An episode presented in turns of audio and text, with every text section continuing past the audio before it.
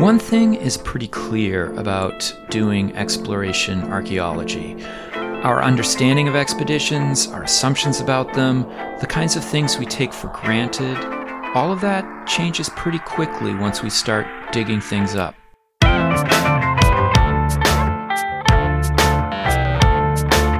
It's time to eat the dogs. I'm Michael Robinson. Today, PJ Capelotti discusses exploration archaeology and its value in understanding expeditions from the Pacific Voyage of Kon-Tiki by Thor Heyerdahl to the Arctic airship expeditions of Walter Wellman. We even spend some time talking about fictional expeditions, such as the voyage of the Orca in the movie Jaws. Capelotti is a professor of anthropology at Penn State Abington, and he's the author of many books, really too many to name here, but his latest book, Adventures in Archaeology The Wreck of the Orca II and Other Explorations, was recently published by the University Press of Florida. PJ Capelotti, thank you so much for talking with me. Thank you, Michael. So, in your book, your most recent book, um, Adventures in Archaeology, you say that uh, one struggles to establish the reality of the artificial. I was wondering, I found that such a striking line. I was wondering if you could explain. I think uh, because I go back and talk about uh, childhood adventures, uh, you walk along creeks, you walk along rail lines, but it takes, I think, some time to realize which one is natural and which one is artificial and what exactly it means to be artificial. And the idea, uh, the thought really didn't hit me with full force until I started doing work in the Arctic, where you're confronted with this huge natural landscape, beautiful and magnificent, where there are these small little pockets of human presence. And that then it really kind of strikes you that humans have these uh, this, the, these ways of altering their landscape, and that got me to thinking back to childhood and what part of my childhood landscape was natural and what part was artificial, and coming to the conclusion that almost the entire thing was artificial. Yeah, it's a really interesting and striking way to to begin the book. Um, one of the things I found also very interesting about this book was your discussion of the remains of the Orca II, which was was not actually the boat, but the kind of replica, non-functioning boat that was used in the movie Jaws. And you describe it as a kind of Disney version of a maritime hunting vessel. I was wondering if you could talk a little bit about Orca 2, this boat, as well as your your interest in kind of pursuing the archaeological story of that boat. It's it's a it's a great story, uh, and not only because uh, again going back to my childhood, I, I think I saw Jaws a hundred times uh, so so I, I, sort of lived on the Orca for an entire the entire year of 1975, 1976, 1977. We had a little theater that would show uh, old movies, and so it was one of these movies that came around, you know, months after it had left the, the regular theater, and you could go and see it for a dollar. So, having nothing else to do in the 1970s before the internet and uh, smartphones and cable TV and all the rest of it, we would go down there and watch this movie. So quite by accident, I on one of these many anniversaries, uh, I, uh, I, saw uh, an article about this remains of this iconic vessel sitting on a beach, sort of forlornly uh, broken apart uh, on on uh, on a beach in Martha's Vineyard, and, and that got me to thinking, you know, how did it get there, and why isn't it in the Smithsonian? Yeah, with next to the next to the ruby slippers from the Wizard of Oz and so I started to untangle this, try to untangle this whole story. And it is kind of a convoluted story uh, that there were two vessels. One was a working fishing vessel, but but the, the fellow who did the design for Jaws, fascinating character, Joe Alves, he, he wanted to make a vessel that was menacing, as menacing in, in some ways as the shark was. So uh-huh. that you had a kind of equivalent battle there between this this kind of maniac shark hunter and this maniac shark so you don't see many black fishing vessels. You just don't see many black vessels. Period. You might see you know black tugboats, of course, but not pleasure boats, not yeah. uh, fishing boats, and so forth. So it was painted black, and it had burgundy when it where where it wasn't painted black, it was burgundy. So it was very dark and the the mast was so absurdly oversized where quint uh, the shark fisherman had this crow's nest so that that was not terribly realistic.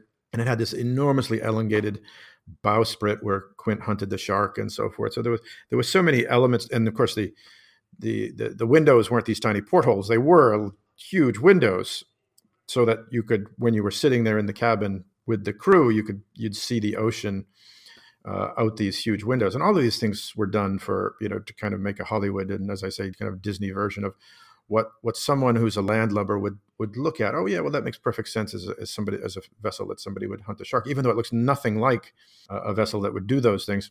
So it was already this kind of Hollywood icon, and the uh, the couple there was a, a, man and a woman who had helped Steven Spielberg make that film and uh, doing all the waterside boat driving and so forth because it was a very complicated production saltwater environment wasn't very friendly toward film equipment and so forth. So they had barges they had small boats uh, boats for running the crew and the actors back and forth to the, the set when they were on the water and so forth.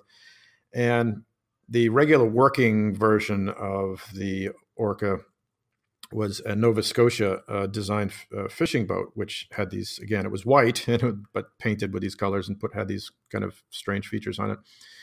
And that got shipped out after the production was over. It was bought by one of the people on the production, wound up its days at Universal Studios, and eventually rotted and sank into a lagoon out there, uh, and then was salvaged and chucked into a dump about 20 years ago, which left just this copy that was done for stunt purposes. It was they almost pulled apart the working vessel during the filming of the of the movie.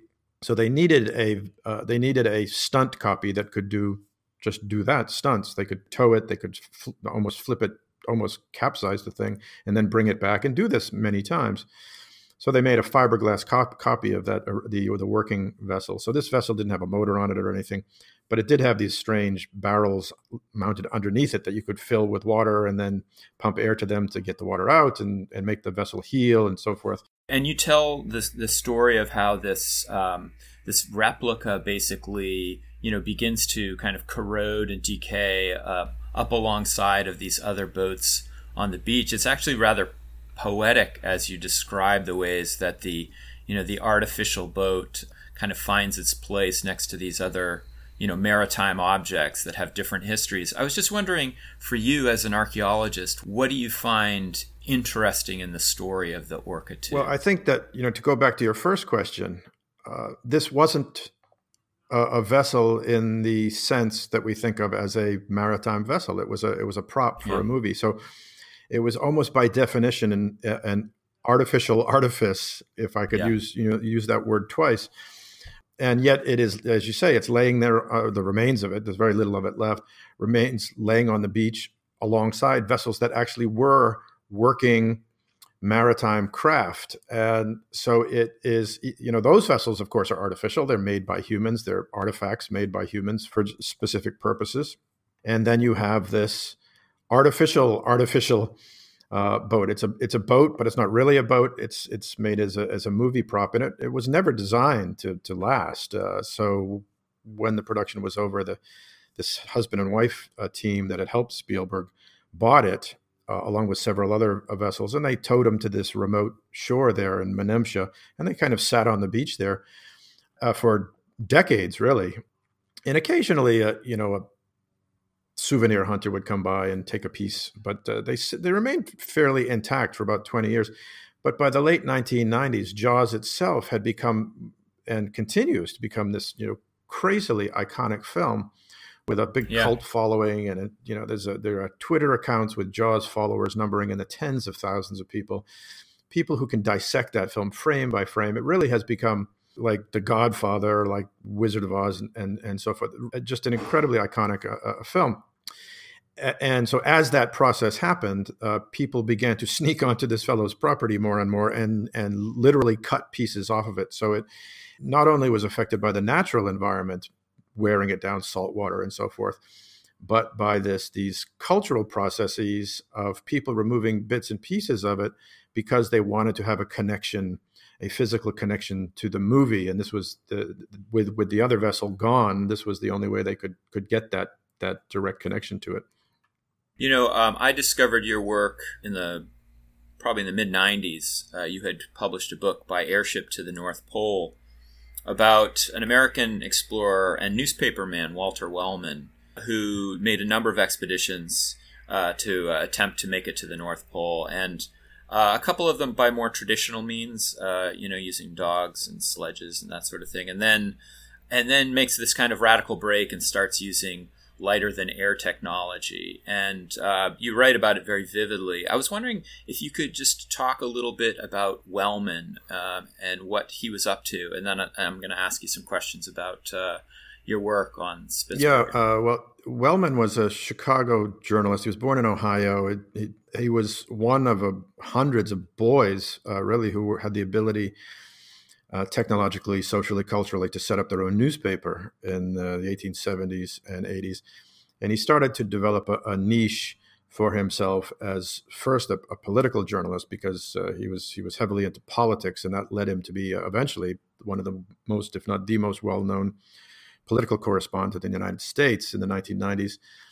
That in turn, he parlayed into the patronage of some very kind of heavyweight folks, senators and cabinet members and so forth, in, in, in successive uh, U.S. administrations to support his uh, his growing interest in geographical explore, exploration, and he started locally. He, he famously uh, he, he one of his first exploration trips was to Mammoth Cave in Kentucky, I just visited there a couple weeks ago. To it was kind of neat to, to, to realize I was going down the same steps that Walter Wellman would have walked down in the late 1880s. Huh. And then he went. Uh, he got his newspaper to send him to the uh, Bahamas in uh, 1891 on the pretext of discovering the location where Columbus had first landed in the Bahamas. And the monument that Wellman brought there, made out of cement and so forth, is still there on, on San Salvador Island.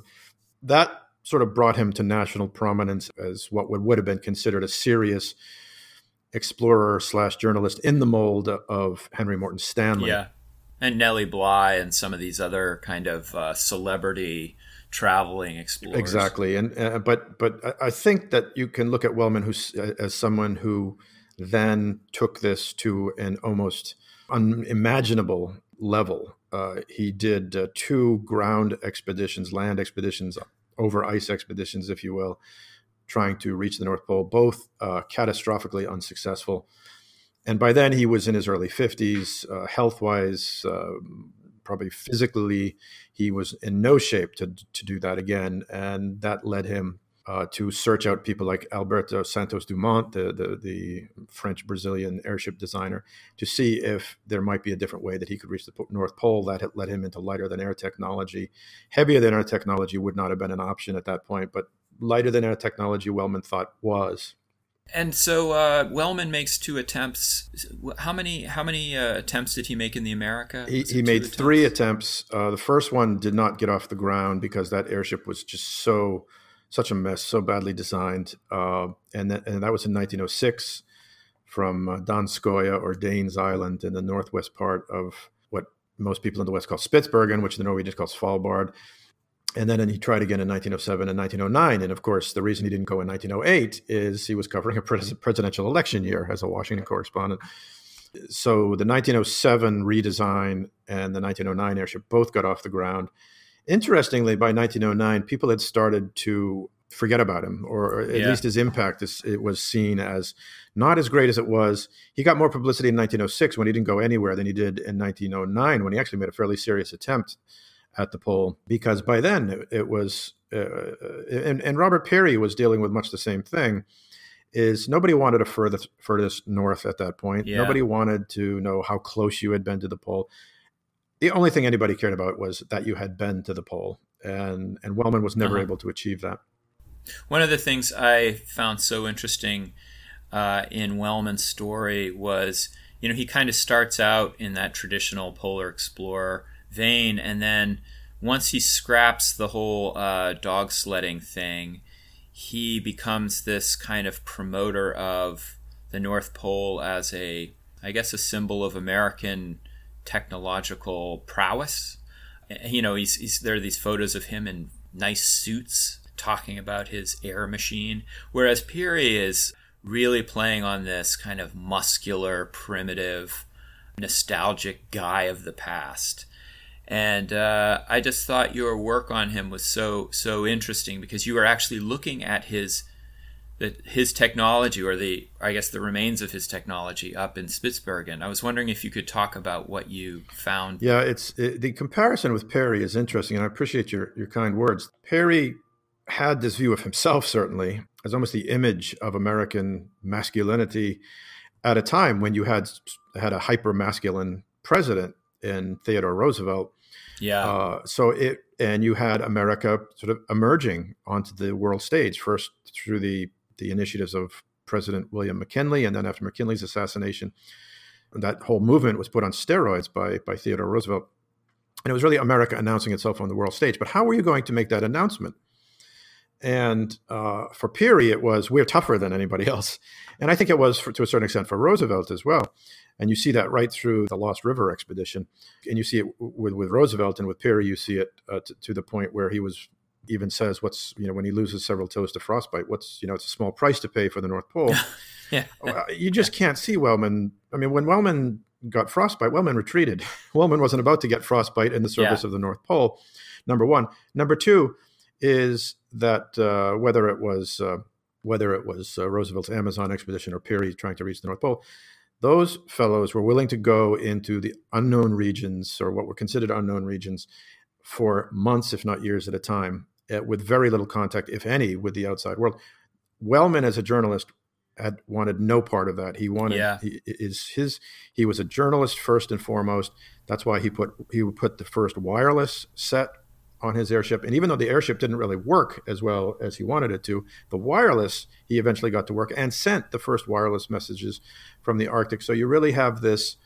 You can almost see his message from the Arctic as, as almost like tweets or social media of 1906 1907 yeah a hundred years ahead of their time the kind of things that you see these arctic tourists doing now on these big icebreakers and ice strengthened vessels people want to go to the north pole but they want to be able to send pictures to their friends and on put on you know twitter and facebook and instagram that same day uh, because why do it otherwise yeah. something that you can't uh, imagine say fridtjof nansen thinking about, but you can see Roald Amundsen thinking about because by the time Amundsen goes to the South Pole, if if you are not able to tell the world with with a verified uh, longitudes, latitudes, and diaries uh, and so forth, where you've been and when you got there, then you were in big trouble. And and I think Wellman Wellman not so much that, but Wellman definitely wanted to be able to reach the North Pole, but he wanted that news back in Chicago the next day. About a year ago, you wrote a book called The Greatest Show in the Arctic, which profiled some uh, American Arctic expeditions that probably most people haven't heard of. These are expeditions that go to Franz Josef Land at the early uh, in the early years of the 20th century. Uh, guys like uh, Anthony Fiala and William Ziegler. Why were you interested in these expeditions that people have kind of buried and yeah, forgotten? Uh, it was it was I want to say it was sort of by accident. That book uh, took 25 years to write, and the reason is is that uh, no, really no one in the United States, myself included, knew where Franz Josef Land was, much less its importance. So when I was doing my work in in Svalbard on Wellman, and then uh, eventually wanted to write something about Wellman's uh, first two land for his first expeditions over land. One was from Svalbard, so that wasn't a problem. But his second was from Franz Josef Land, uh, and in 1993 94, I knew nothing about that place. There was very little written about it.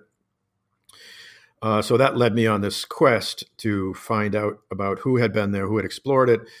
Uh, and I couldn't get to the American expeditions, these three American expeditions, uh, led first by Wellman in 1898 and then by Evelyn Briggs uh, Baldwin in 1901 and then Anthony Fiala in 1903.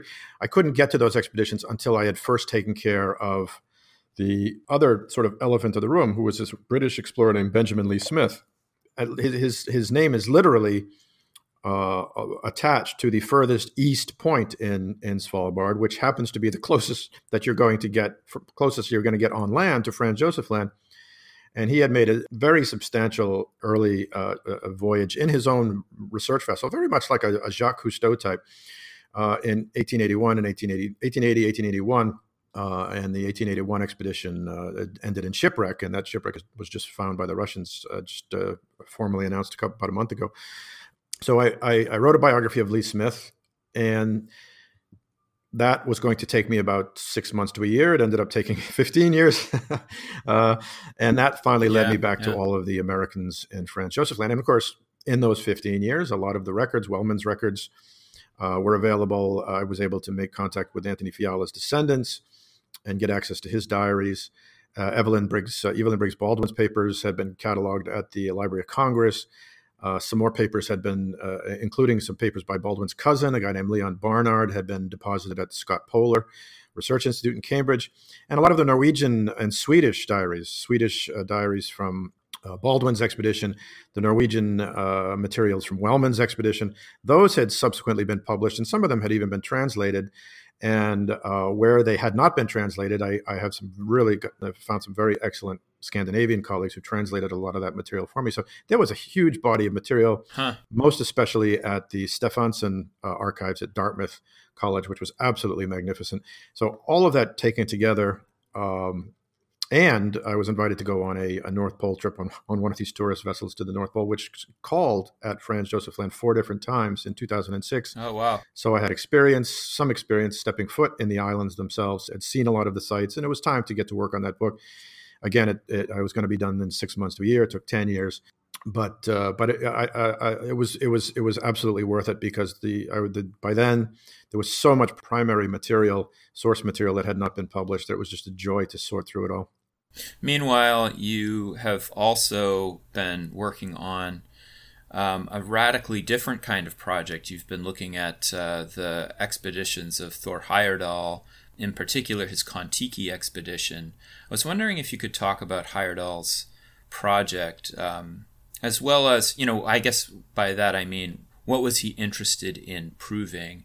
and then something about the expedition itself. Well, Thor Heyerdahl was uh, I, I, I came across as a ten year old, as many of us did, by reading Kon-Tiki, uh, which was one of these. Uh, there were two people, well, three if you include the astronaut John Glenn.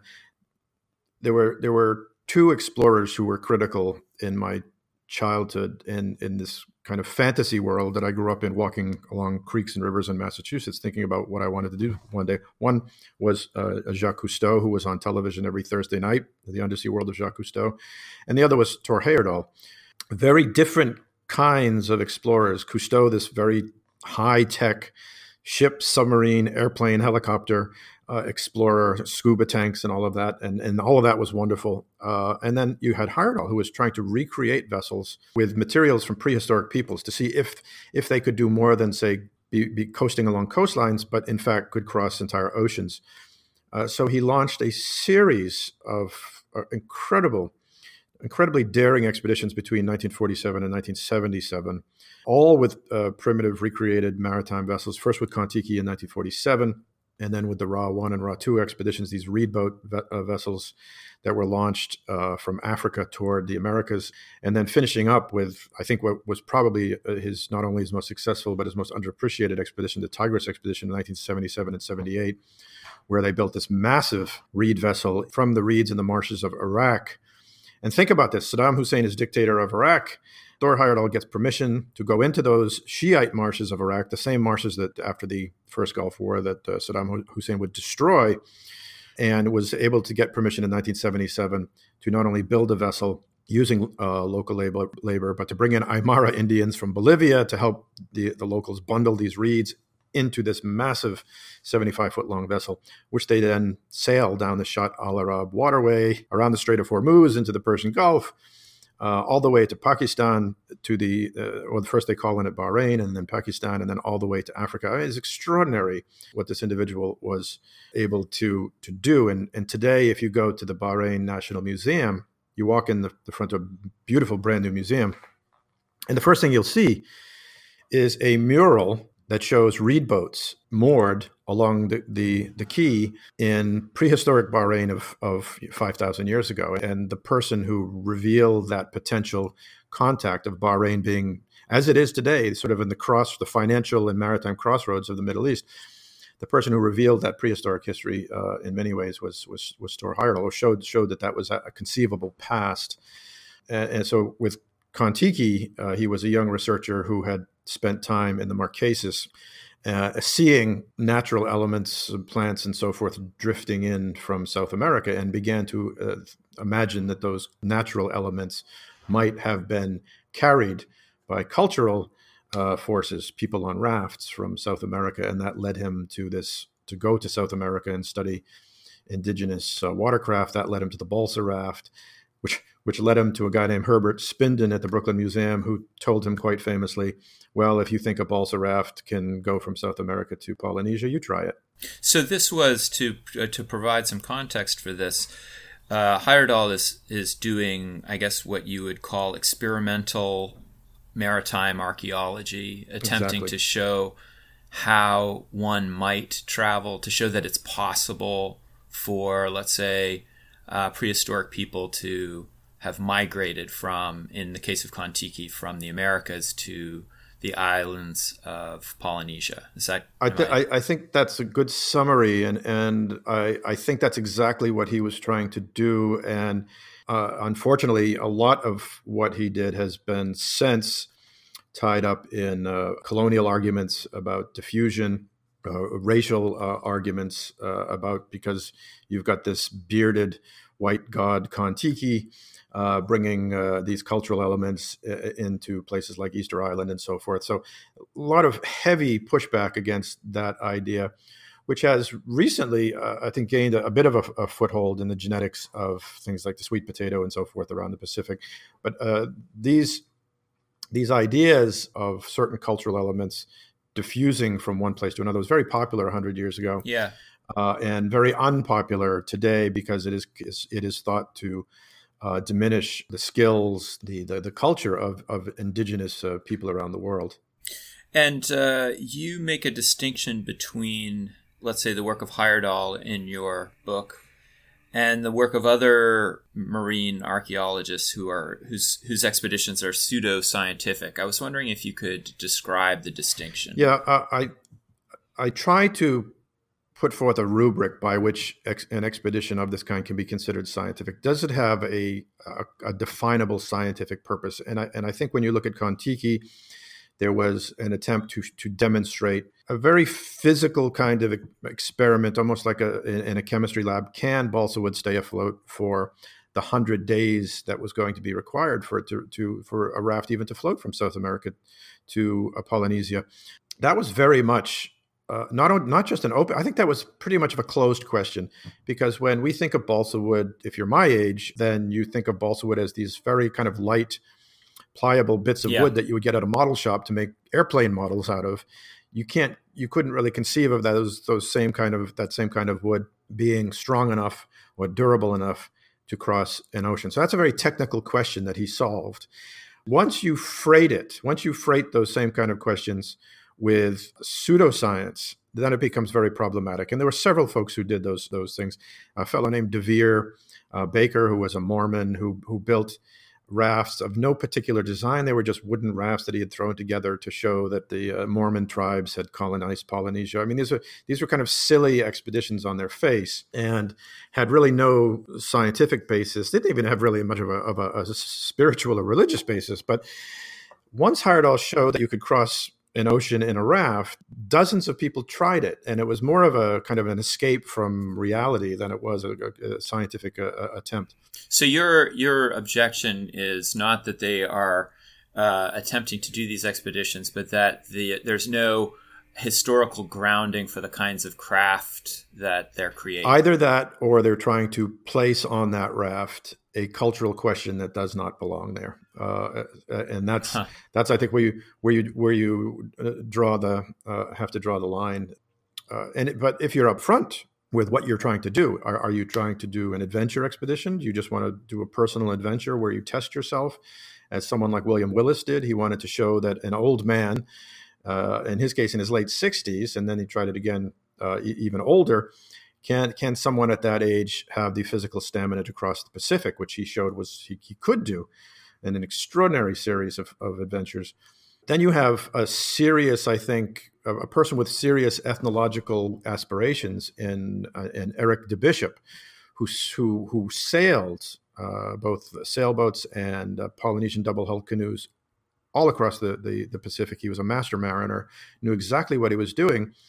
And uh, but when he came to challenge Heyerdahl, he he created this bizarre uh, raft out of, out of, all of these different elements from different islands in different ways. It made no sense whatsoever, and wanted to show that forget about going from South America to Polynesia. I can go from Polynesia to South America, which, as has been now shown uh, uh several times, is really not possible. Exposing yourself to extreme danger. So let me um, play devil's advocate here for a minute. I see what I see the distinction you're making between you know uh, Heyerdahl's work and some of these other folks, but I've always been a little skeptical of these reenactment expeditions.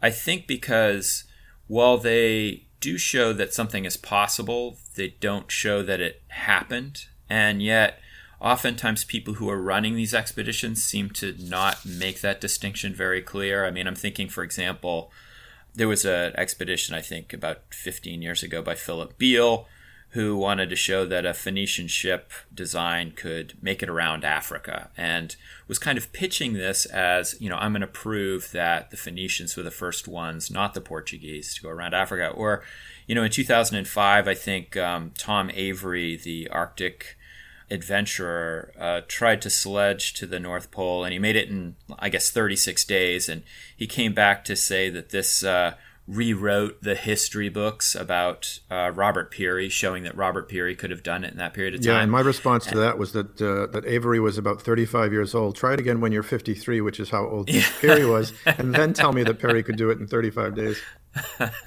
so anyway, I was I, I was I w- I'm wondering what you think we gain by by showing that it's possible rather than it. Well, I think in in Heyerdahl's case, he had the the luck, if you want to call it that, of the being first. Yeah, it was a sensation. Uh, he was a brilliant writer. He was an incredible marketeer, and he was writing at a time when racial sensibilities were a bit different than what they are uh, now. Certainly, in fact, there was a, a deconstruction of Heyerdahl done a, a couple of years ago uh, called uh, "A Hero for the Atomic Age," which.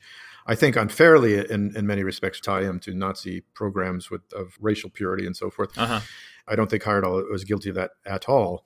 Uh, because if you read his treatise on contact between the Americas and Polynesia and the years that he spent in the say, in the Kroepelien Library in Oslo, for example, looking at sources in multiple languages, looking for cultural uh, either artifacts or connections that would have some bearing on this issue, he found hundreds of them. And so he had a, a very definite scientific basis for suggesting, look, I think that there is there there are these elements here and there are these elements over there, and it's at least suggestive. Now, of course, you can criticize. Well, this element might have taken place two thousand years ago, and then he's pointing to this other element that took place five hundred years ago. There's a fifteen hundred year gap there. Yeah. Chances are there's no connection there, no matter how similar the cultural elements are. Uh, these other folks who are trying to do these things first of all as as you well know in, in science you don't really you don't prove anything. You try to disprove that something happened. Right and i think yeah. you can look at Kon-Tiki as an attempt to disprove. Now of course Heyerdahl was trying to disprove uh, that you could cross the pacific in a balsa raft at risk of his own life uh, and he was yeah. very clear about this that most people thought that he was sailing to his certain death. To, such a raft wouldn't survive, they'd all be dead. Then, of course, in 1947, there was nobody coming after them. There was no helicopter rescue units. There was They were out of the shipping lanes. If they were sinking, no one was going to save them. So he was really willing to notice patterns scientifically, come up with this kind of almost inadvertently, this method of testing to disprove that it could be done. Now, of course, if he had disproven it, he'd be at the bottom of the Pacific Ocean. Uh, and I don't think most people trying these expeditions are willing to go that far to test their ideas. So I think he's in a different category than almost all uh, of these other folks, with the exception of some really extraordinary modern explorers like Phil Buck is, is excellent. John Haslett is a magnificent who, who, tried over and over again to show that a balsa raft could connect the culture areas of South America and Central America. Uh, uh, again, almost a risk to his life. So there are some serious folks with serious ideas out there, and they and it's it, it, again and to to try to take a cultural experiment, which is what a maritime recreated maritime vessel is, and put it on a real ocean in real conditions is absolutely not like doing an experiment in a chemistry lab. Now, You can do a chemistry experiment and blow up your chemistry lab, I, uh, granted, but it's much more dangerous to put yourself on that raft and test your ideas uh, uh, that way. And of course, you're not sailing on the ocean as it was 2,000 or 5,000 years or so. You, you'll never, uh, right. you know, go, if we can go right, way back to the beginning, uh, where we started this chat, uh, I was when I was at Mammoth Cave a couple weeks ago. There was a National Park Service ranger, wonderful man, and someone asked him. There was a lot of historic period graffiti in that cave, and someone asked, "Is there any prehistoric imagery in there?" And he said, "Yes, there's some what we think is prehistoric imagery." Uh, and of course, the next question someone asked was, "What does it mean? What does it mean?" and and everybody had their own their own hypothesis as to what it meant. And the park ranger was was gave, I think, probably the best answer you could possibly give, which is the only person who knows what that symbol means is the person who made it. So as it, we try to recreate the technology, but we can never really recreate the thought process behind that technology. Yeah. PJ Capelotti, thank you so much for talking with me. Well, Michael, thank you. It's my pleasure. That's it for today. The music was composed by Zabrat. Make sure you check out the Time to Eat the Dogs website for podcast links and other exploration related stuff. And if you get the chance, please take a minute to rate and review the show wherever you get your podcasts. It really helps make the show visible to new listeners. And if you want to recommend a guest or make a comment, feel free to contact me at time to eat the dogs, that's one word, lowercase, at gmail.com. See you next week.